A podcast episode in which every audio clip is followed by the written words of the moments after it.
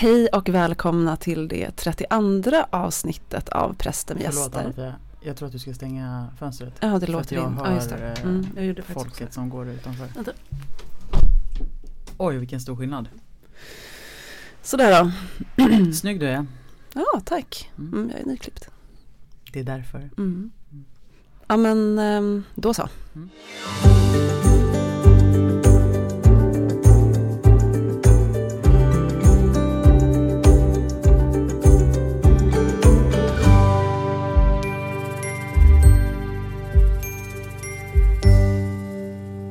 Hej och välkomna till det 32 avsnittet av Präster med gäster med mig, Anna-Fia Trollbäck. Och mig, Rebecka Tudor.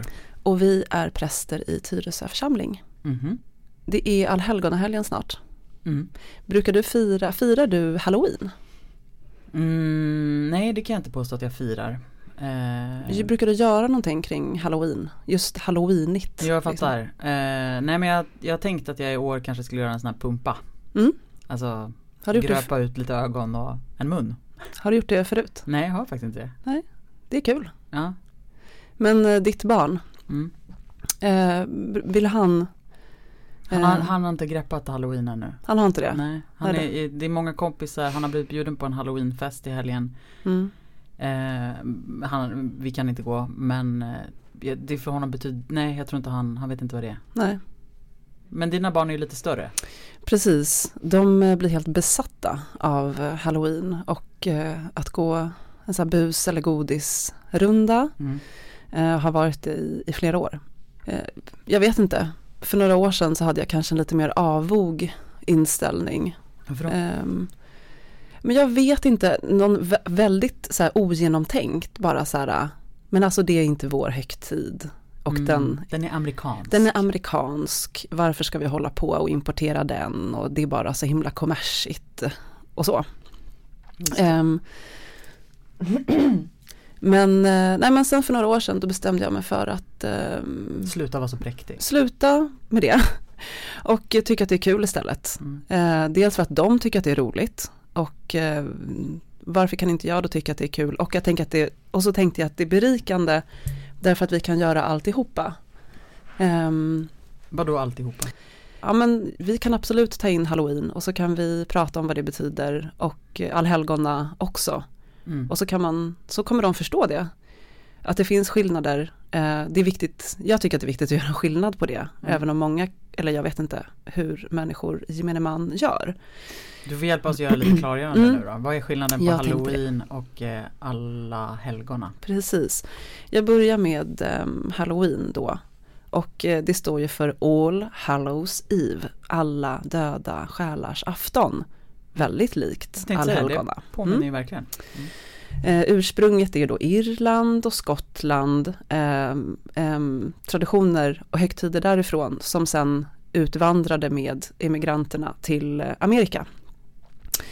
Eh, och från allra första början så var det vikingar som kom till typ Irland och eh, Storbritannien eh, och där det gifte sig med den keltiska kulturen.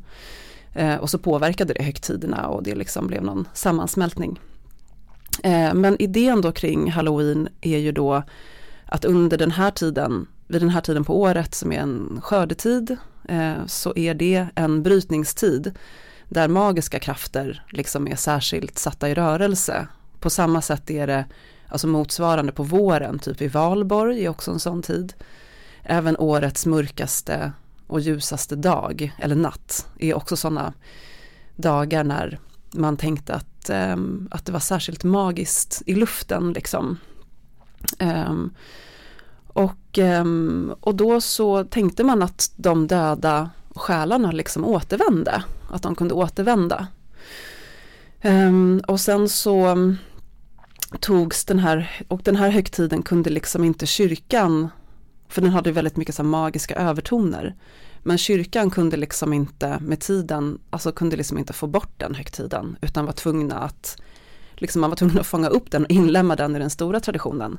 Ehm, och då liksom lättade man upp det magiska och så förde man in det här med att särskilt minnas sina döda. Inte bara kanske att skydda sig mot de döda själarna som kunde återvända ehm, och så.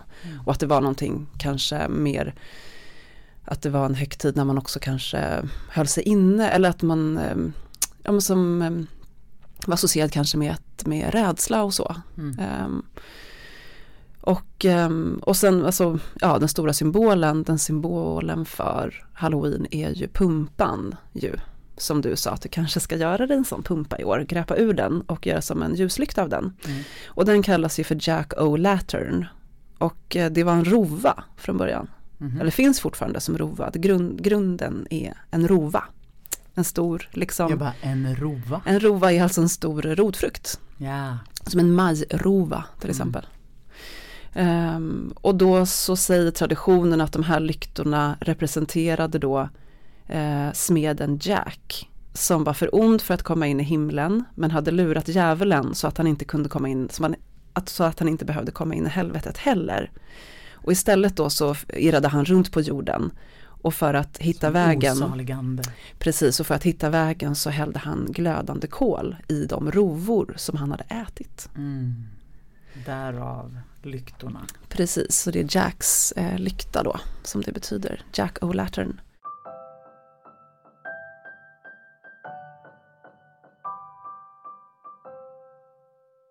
Men eh, då går jag över till allhelgona då, som, eh, som står då för eh, alla helgons dag. Men helgen är ju uppdelad i två, lördagen och söndagen, där vi har alla helgons dag på lördagen och alla själars dag på söndagen. Eh, och då så har man historiskt skilt på att minnas helgonen på, helgon, på alla helgons dag och att minnas då de som står oss nära på alla själars dag. Eh, men det finns ingen så här teologisk skillnad mellan de här dagarna utan vi är alla heliga i Guds ögon. Eh, och man började fira då helgonen till minnet av eh, martyrer då som blev helgonförklarade. Ehm, och, eller vänta, nu snurrade jag bort mig här. Ehm, man firade Ja, man firade helgonen och minnet av martyrer, människor som har dött för sin tro. Ehm, men till slut så blev det så himla många.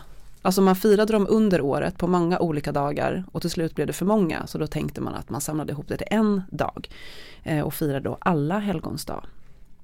Och det har man gjort sedan typ årtusen. Ehm, men och idag då så, så är vi, så minns vi, un, alltså fira kanske är ett väldigt konstigt ord, men under allhelgonahelgen så minns vi särskilt våra döda och vi, många människor som går till gravar och minneslundar och eh, med blommor och tänder ljus eh, och så. Det har ju blivit en av de eh, helger som flest människor besöker kyrkor och kyrkogårdar. Ja, det är ju mäktigt. Um, med Skogskyrkogården till exempel i Stockholm där ibland tunnelbanorna inte ens kan stanna Mm. på perrongen för att det är så fullt med folk. Och det är, det är, ja, det är väldigt mäktigt att vara där då, Mm. liksom vid skymningstid och när det har blivit mörkt. Det är jättemycket människor där. Ja visst, och alla ljusen som lyser upp hela Mm. kyrkogården. Det blir väldigt speciellt som mycket annat. Eh, I år, under ja. denna pandemi. Ja, jag har ingen aning om hur man, hur man ska lösa det här. Nej. Alltså under helgen, det där alltså på Skogskyrkogården för att det är så stort. Men ja, det återstår att se. Mm. Mm.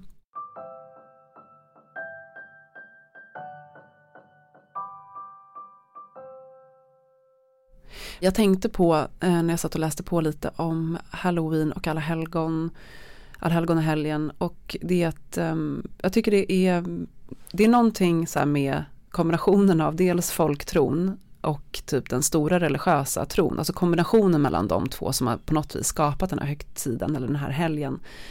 Um, och det visar på, jag tänkte att det visade typ på vår, alltså oss som människor, att vi har också olika behov. Mm. Och dels att vi, som att man förhåller sig till den verkligheten som är här, alltså som människor då har gjort historiskt för länge sedan, att försöka förklara sånt som, ehm, ja, som inte går att förklara. Ehm, och att på något sätt världen, att verkligheten är magisk liksom. Eh, och sen har man på något sätt den stora tron då som kyrkan till exempel som får in allting i ett större perspektiv. Mm.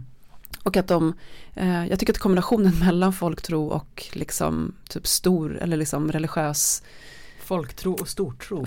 Stortro låter typ jättekonstigt men ja. liksom en religiös tradition mm. och, eh, är liksom spännande. Mm. Um, för att det händer saker där. Um, och man kan inte, det är så här, man kan inte bara ta bort um, Halloween liksom. Mm. Och det kan man inte ta bort nu heller. Den är, är här för att stanna liksom. Mm.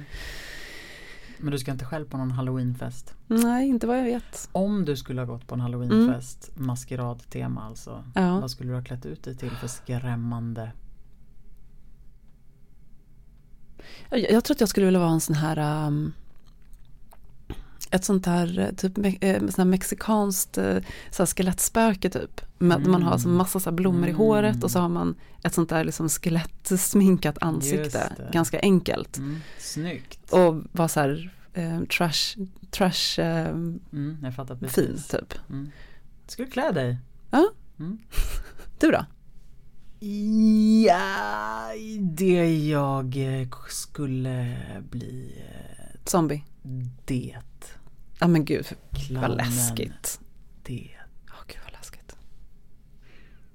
Skulle klä mig. Mm, det skulle det faktiskt. Gud vad läskigt, jag blir så himla mm. rädd. Ja.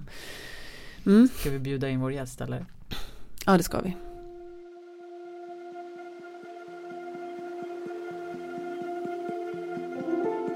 Idag så säger vi välkommen hit till sorgen.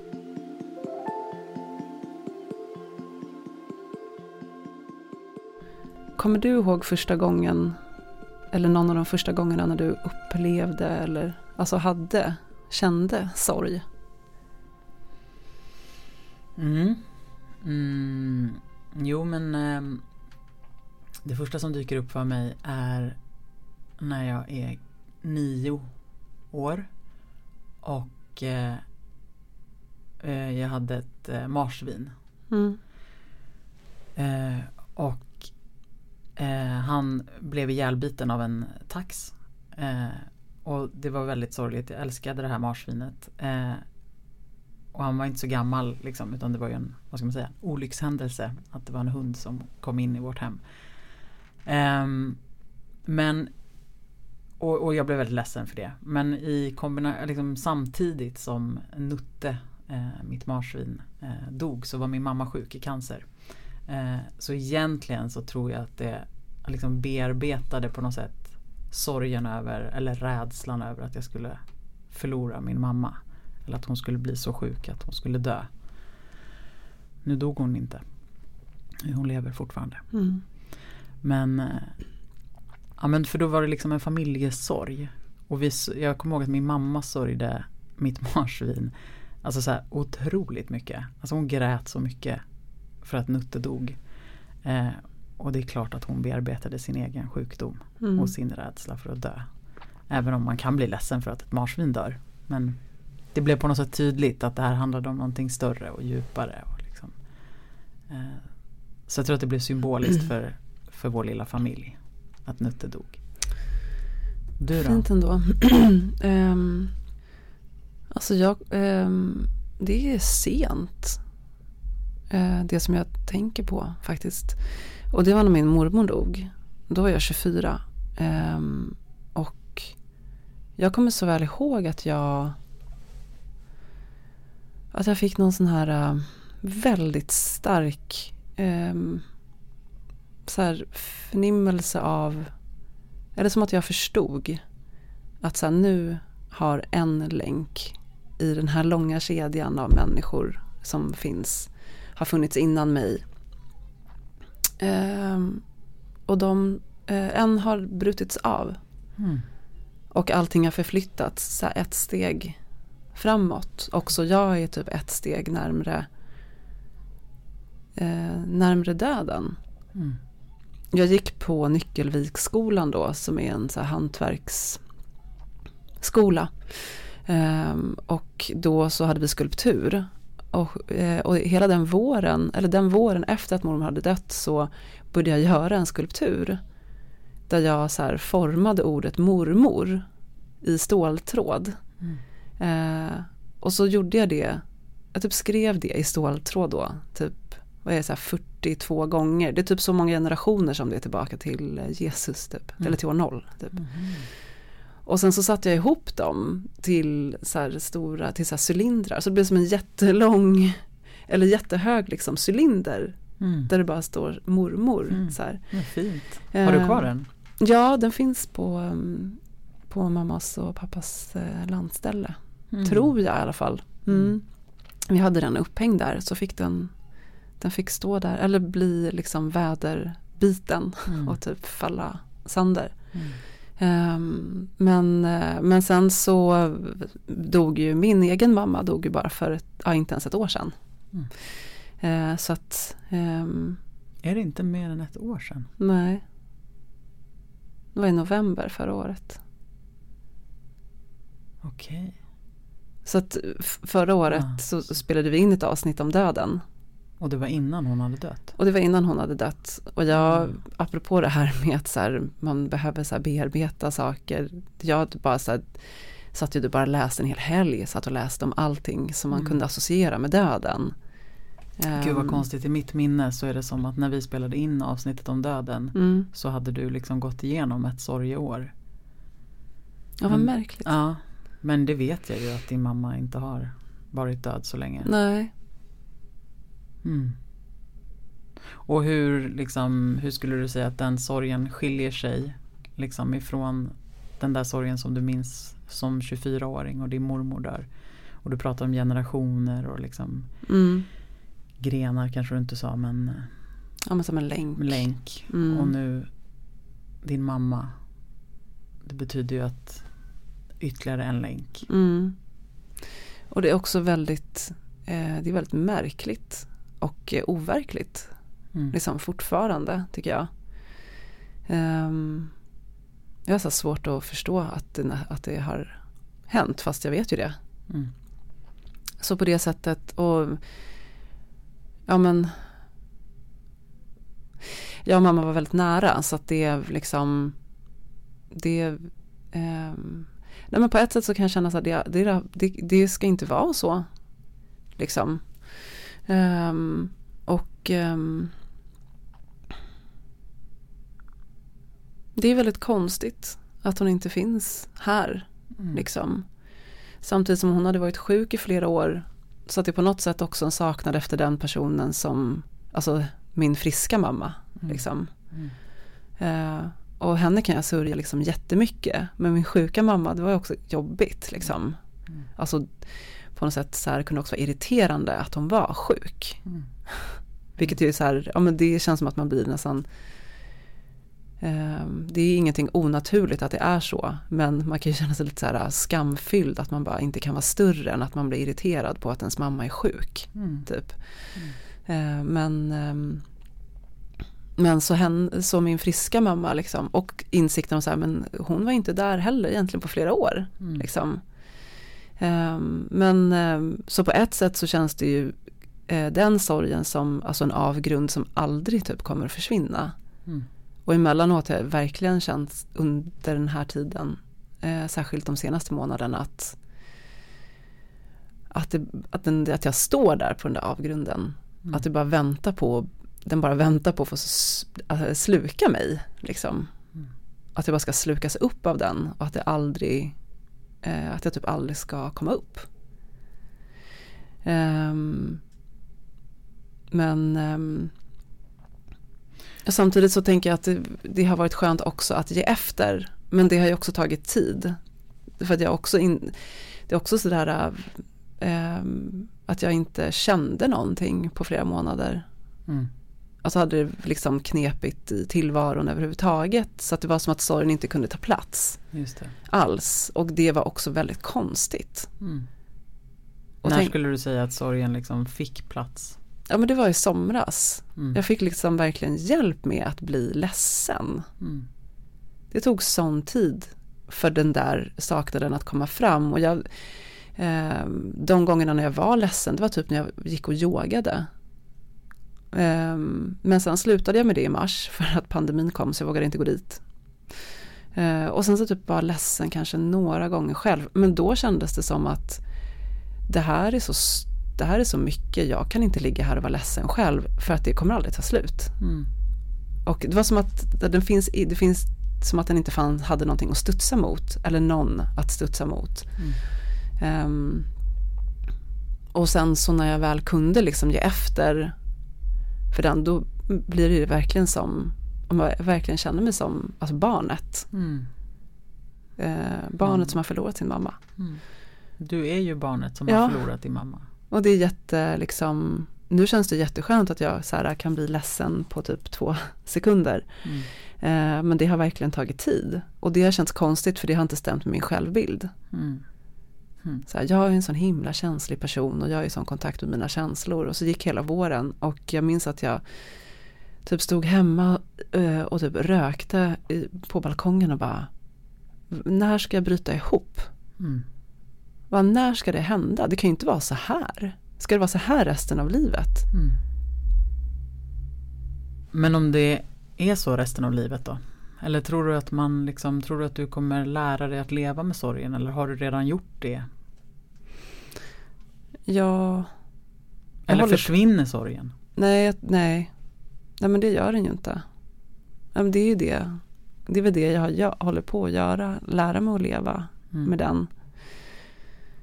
Ja men också. Det var. Jag hade någon situation. Eh, det var någonting som hände det var en sån här familjesituation. Jag liksom blev irriterad på min pappa och min syster. Och, ehm, och då så tittade jag på, jag har ett kort av min mamma på köksbordet. Med ett ljus framför. Och så tittade jag på henne och typ kunde känna hur hon så här, var typ, blev så irriterad på mig. Mm. Och då typ, jag typ sa till kortet. Jag bara, titta inte på mig sådär. Mm jag måste få fatta mina egna beslut. Så här. Mm. Ja, men ändå som att det var någon som sa det till mig också som också hade förlorat en förälder att va, men, alltså ni fortsätter ju att ha en relation. Det är bara det att hon inte är här. Mm. Men ni fortsätter att ha det på ett annat sätt. Mm.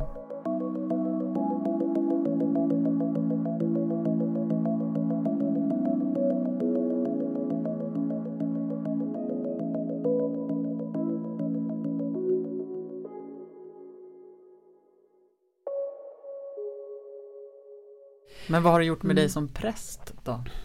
Tänk, alltså jag tänker att vi, eftersom vi arbetar så mycket med, med sorg, med död, begravningar.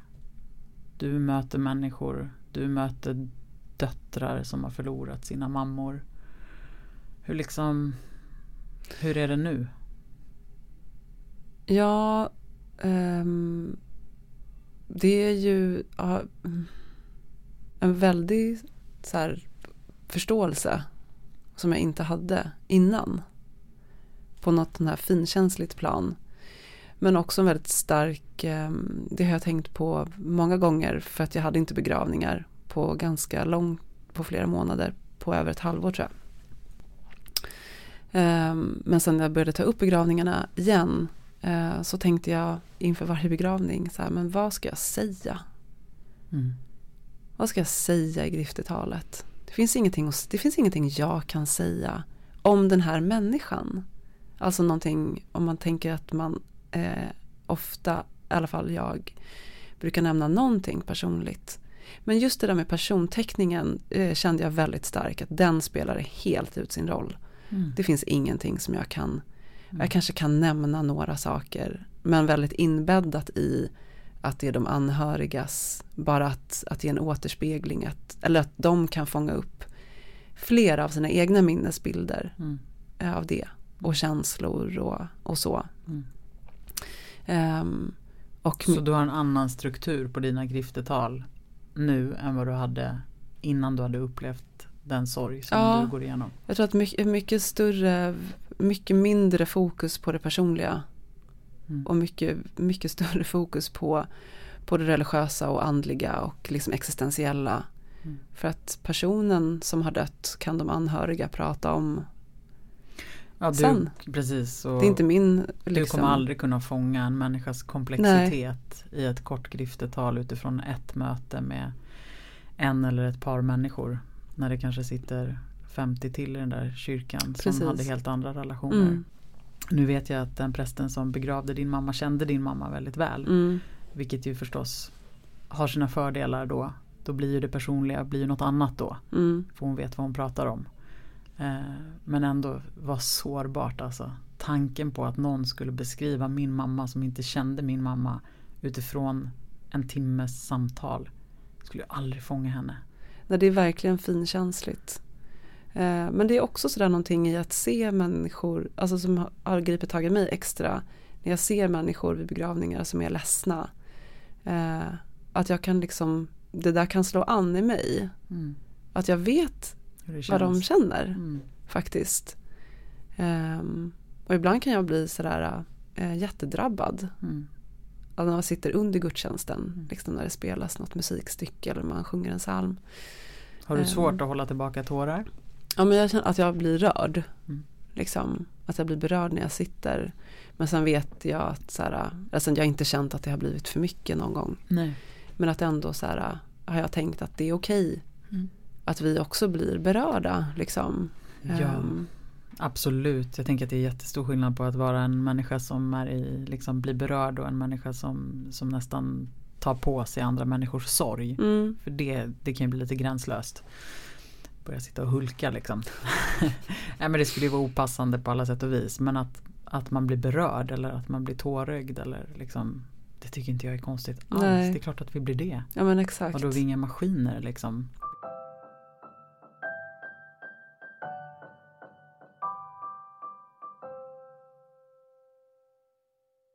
Hur vill, alltså hur vill du bli bemött i sorgen? Jag har tyckt att det har varit eh, eh, Jag har tyckt att det varit väldigt skönt att, att människor, alltså att alla har vetat om vad som har hänt. Ehm, och att eh, människor har liksom sagt att de vet. Mm, Faktiskt. just det. Ehm, det, det betydde jättemycket för mig. Typ, Jag var ledig, jag var liksom borta i två veckor efter att mamma dog. Och sen när jag kom tillbaka hit, då var det jättemånga som, eh, nej men typ alla som jag träffade som på något sätt liksom bekräftade att så här, jag vet vad som har hänt och sa liksom någon bara, som typ att jag fick en så här klapp på axeln av kanske en kollega som jag inte pratar med så här jätteofta. Mm. Och eh, eh, det gjorde mig liksom typ jätteglad Mm, faktiskt. Mm. Eh, Så på det sättet så har det verkligen varit väldigt eh, fint att ha eh, det jobbet som vi har och jobba i som vi gör. mm. Just det, det finns inte riktigt, eller liksom det finns en, en, en vana och inte kanske så mycket rädsla för att prata om det som gör ont. Nej men precis och kanske bara liksom just det där bekräftandet. Mm. För ibland tänker jag att det kanske är det som är svårare. Mm. Jag har haft eh, några vänner som har varit så här, åh vi har inte ens pratat någonting. Och, eh, och det är jättefint liksom. Jag har Mm. ingenting emot att prata men också att jag kan tänka så här, vad ska vi säga typ? Nej, det finns inga ord. Nej, finns ingenting som kommer trösta liksom. nej, Nej, det får mig ju verkligen också att tänka på. Vi har nämnt jobb Ja. flera gånger under podden. Jag vet inte varför. Det är ju varken som att du och jag är några så här, jag vet inte, jobb han dyker upp då och då liksom. Men han det är ju- vill oss något. Han vill oss något. Mm. Eh, och det är ju alltså en bok i Gamla Testamentet. Eh, nej men när, när Jobb sörjer Mm. och hans, vi tog upp det i förra Ja, avsnittet det om tystnaden. Men hans vänner som kommer och sitter med honom i tystnad Mm. I vad det, sju dagar. Mm. Det är en väldigt fin bild. Jag tänker att det är ofta den där liksom närvaron och tystnaden ibland. Det, är liksom det, det räcker. Ja. Men att visa att man finns där. Exakt.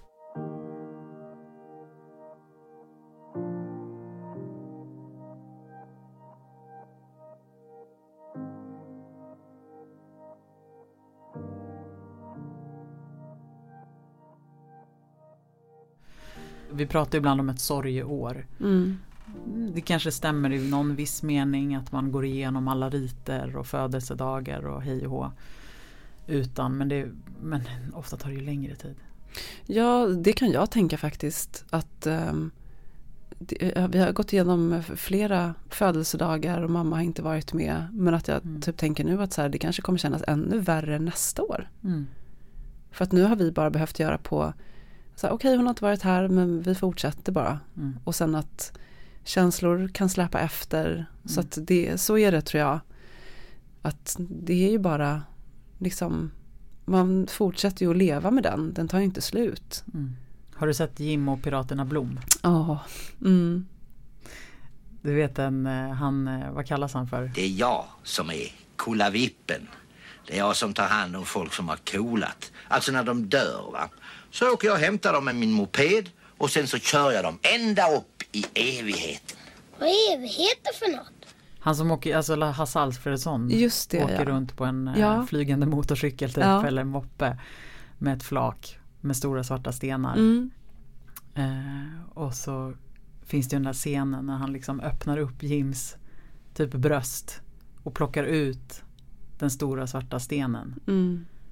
och så gör han sönder den.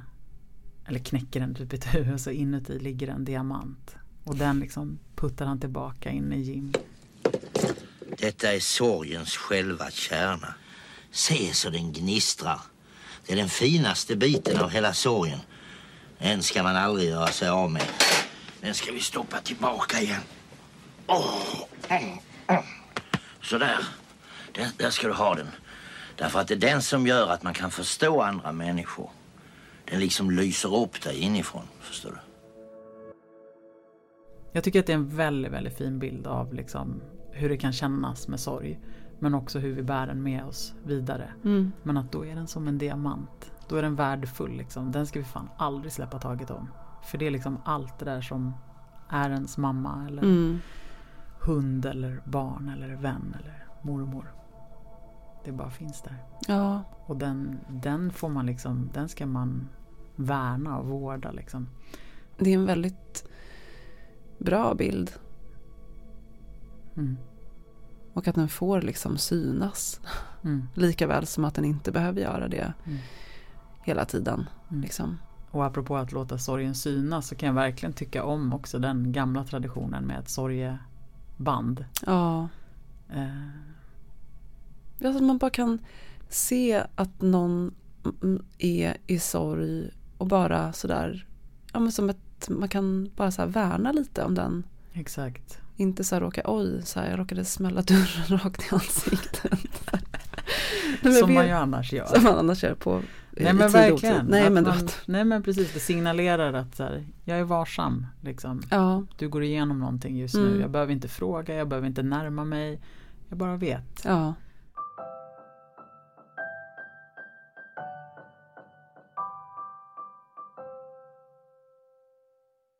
Vi pratar lite om eh, sorg i Bibeln. Mm. Eh, och är det några särskilda ställen i Bibeln som du kommer att tänka på eller som du har tänkt på inför idag eh, som har med sorg att göra? Mm. Mm, förutom då jobb som Mm. vi redan har nämnt. Eh, så tänker jag på eh, när Lazarus dör. Eh, och Lazarus Eh, får vi veta är en vän till Jesus. Han är också bror till Marta och Maria. Eh, och han dör och den kunskapen, eller liksom Jesus får veta det. Och då så beskrivs det i Bibeln att Jesus eh, faller i gråt. Det är egentligen bara så enkelt. Men jag tycker att det är väldigt Det gör någonting med Jesus mänsklighet. Att han eh, att det så tydligt står att han Att han gråter. Så att han skakade, Mm, står det. just det. Mm. Till och med det. Mm. Så det är en av de första ställena som dyker upp för mig. Eh, även eh, kvinnorna vid graven. Tänkte jag på. Mm.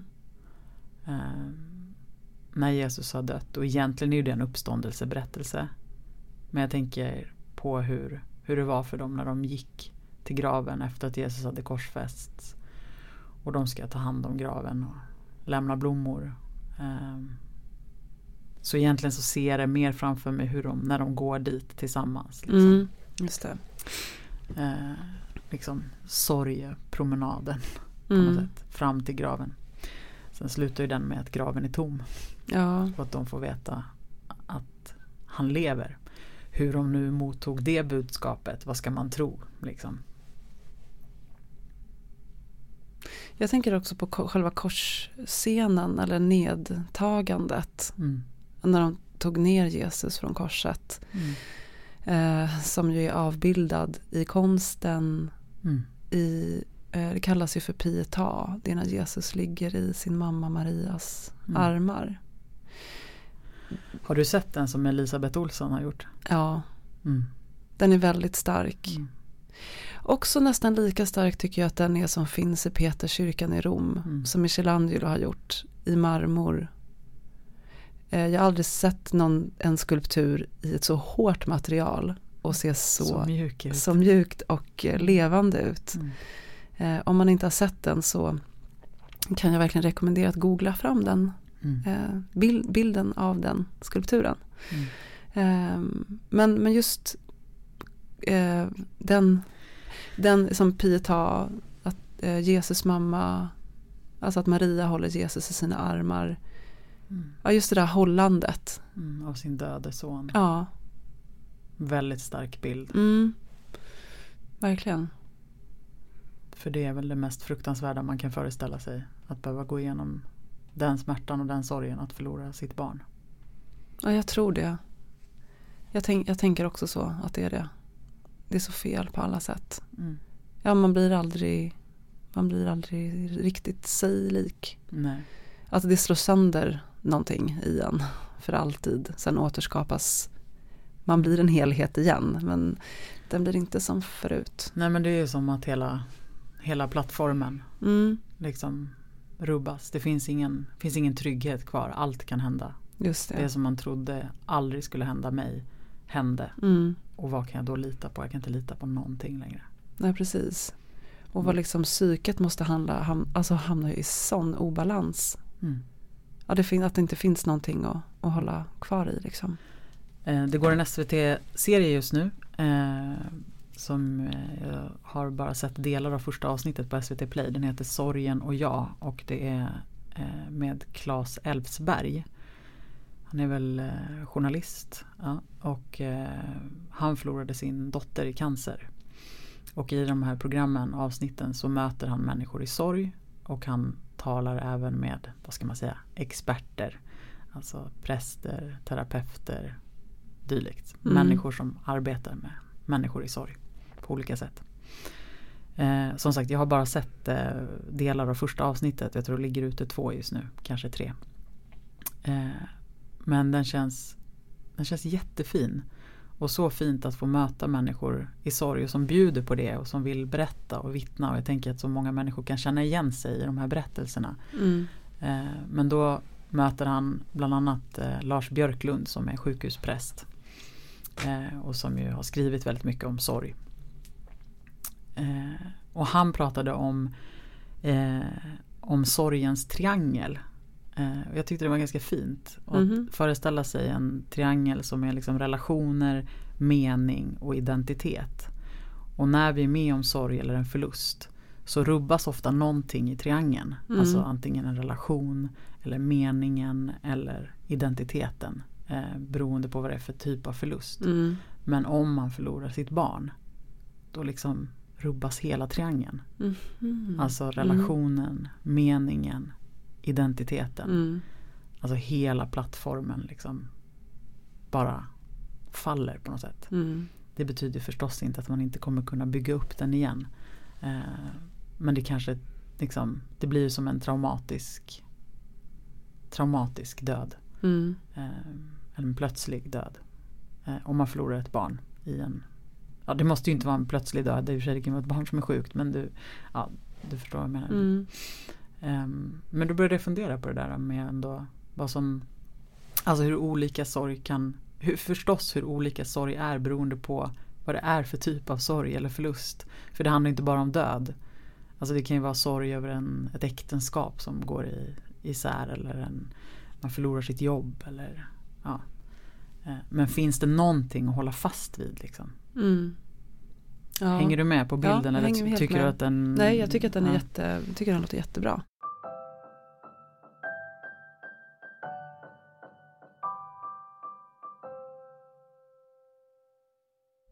Men eh, jag tänkte också på det apropå att göra ett program som heter Sorgen och jag. Mm. Att vi har väldigt lite plats för sorg i vårt samhälle. Jag tror att det är en del av vår existens som vi eh, behöver eh, prata om. Eller göra synlig i alla fall. Mm. Liksom. Ehm, Nej, och då- att, att det här är någonting som liksom är så bortkapat i det allmänna, ehm, jag vet inte, det är så här, det allmänna samtalet eller den allmänna liksom, tillvaron. Mm. Ehm, men jag tror att det finns ett behov av det. Av Man kanske rum. skulle egentligen, jag tänker att vi har ju sorgegrupper i kyrkan. Mm, Där vi bjuder in människor som har, när det handlar om just eh, liksom en förlust av en person, man har, någon har dött. Så får man inbjudan om man vill delta i en grupp för att prata om sin sorg. mm, Men jag tänker att man egentligen skulle kunna vidga det ännu mer. Man skulle kunna ha sorgegrupper. Det kan heta sorgegrupp. mm, Eh, men vem som helst är inbjuden. mm, eller som, alltså för att få prata om sorg. Oavsett om det hände liksom nu eller om det hände för tio år sedan eller om det handlade om att du förlorade jobbet eller om det handlade Det kanske skulle bli sorg på väldigt många olika nivåer kanske skulle det bli för knasigt. Men jag tänker att, jag menar vi är rätt så bra på det i kyrkan ju. Men vi skulle kunna bli ännu bättre Ja det tror jag, men jag, jag har ju faktiskt en idé på en slags eh, sorgegrupp. Mm. Att, ehm, alltså som, ska heta, som inte ens ska heta sorgegrupp. Nej. Utan som ska heta att måla eh, sorgens landskap. Att måla sorgens landskap Ja, Mm. och så är det det man gör. Man Mm. målar. Mm. Eh, alltså utifrån eh, eh, någon slags, alltså såklart att man har en tanke kring hur man Mm. eh, genomför det. Och att man under tiden, alltså jag pratar bättre om jag får hålla på med någonting. Mm. eh, om jag får ha någonting i händerna. Och så tror jag att det är för många. Mm. Eh, än att bara sitta i en grupp rakt upp och ner och så ska det följa liksom ett givet pedagogiskt mönster. mönster. Mm. Ehm, Bra idé och få göra någonting, ut- och då gör man någonting av det också Mm. som man känner tänker jag. Och det som man bär på. Och så kan man göra någonting fint av det. Det blir en utställning Till exempel. Mm. Mm, Jättefin idé ja. Kör bara kör Mm. Eh, Men apropå då sorgens landskap. En i alla fall som har målat mycket kring sorg och kring död är ju konstnären Edvard Munch. Som blev Skriet precis eh, pappa till Skriet. Mm. eh, norsk symbolist som levde på 18 och 1900-talet. Eh, nej men och han gick igenom väldigt mycket, han levde typ med sorg eh, från att han var liten. Förlorade många i sin familj, eh, sin mamma när han var liten. Eh, och ett liv liksom där han var både själv väldigt sjuk men mycket präglat av sjukdom och död. Och det har han målat mycket. Eh, och jag tycker väldigt mycket om Munch som konstnär. Eh, och i några av de målningarna som han har gjort som, eh, ja, som avbildar liksom ett så här sjukrum och dödsbädd och sjuka människor så lyckas han verkligen fånga någonting av den här väldigt så här, eh, ödsliga och helt eh, fruktansvärda känslan av att vara nära en döende eller en död person. mm.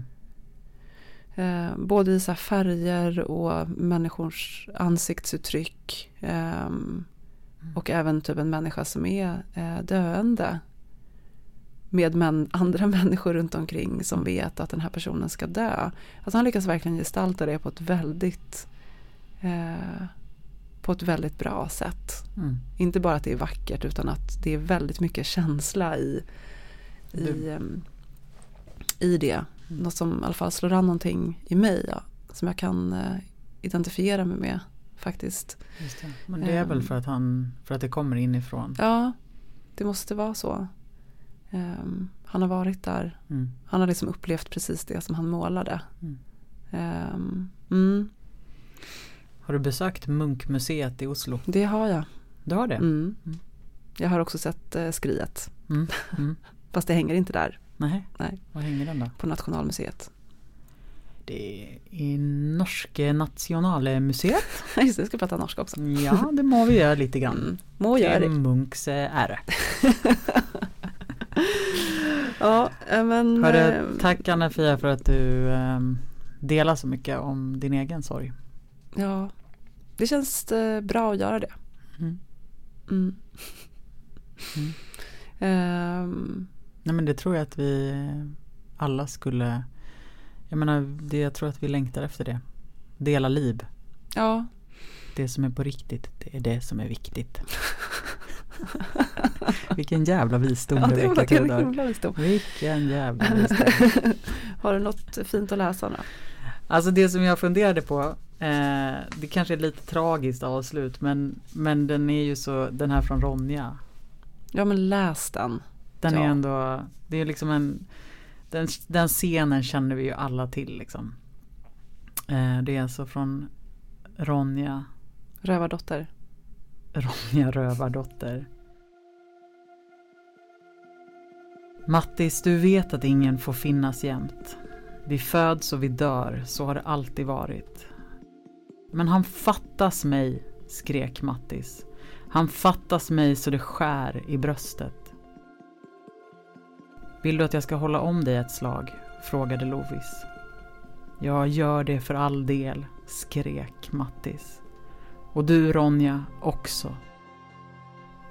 Sen satt han lutad ömsom mot Lovis och ömsom mot Ronja och grät ut sin sorg över Skalle-Per som hade funnits jämt i hans liv och nu inte fanns mer.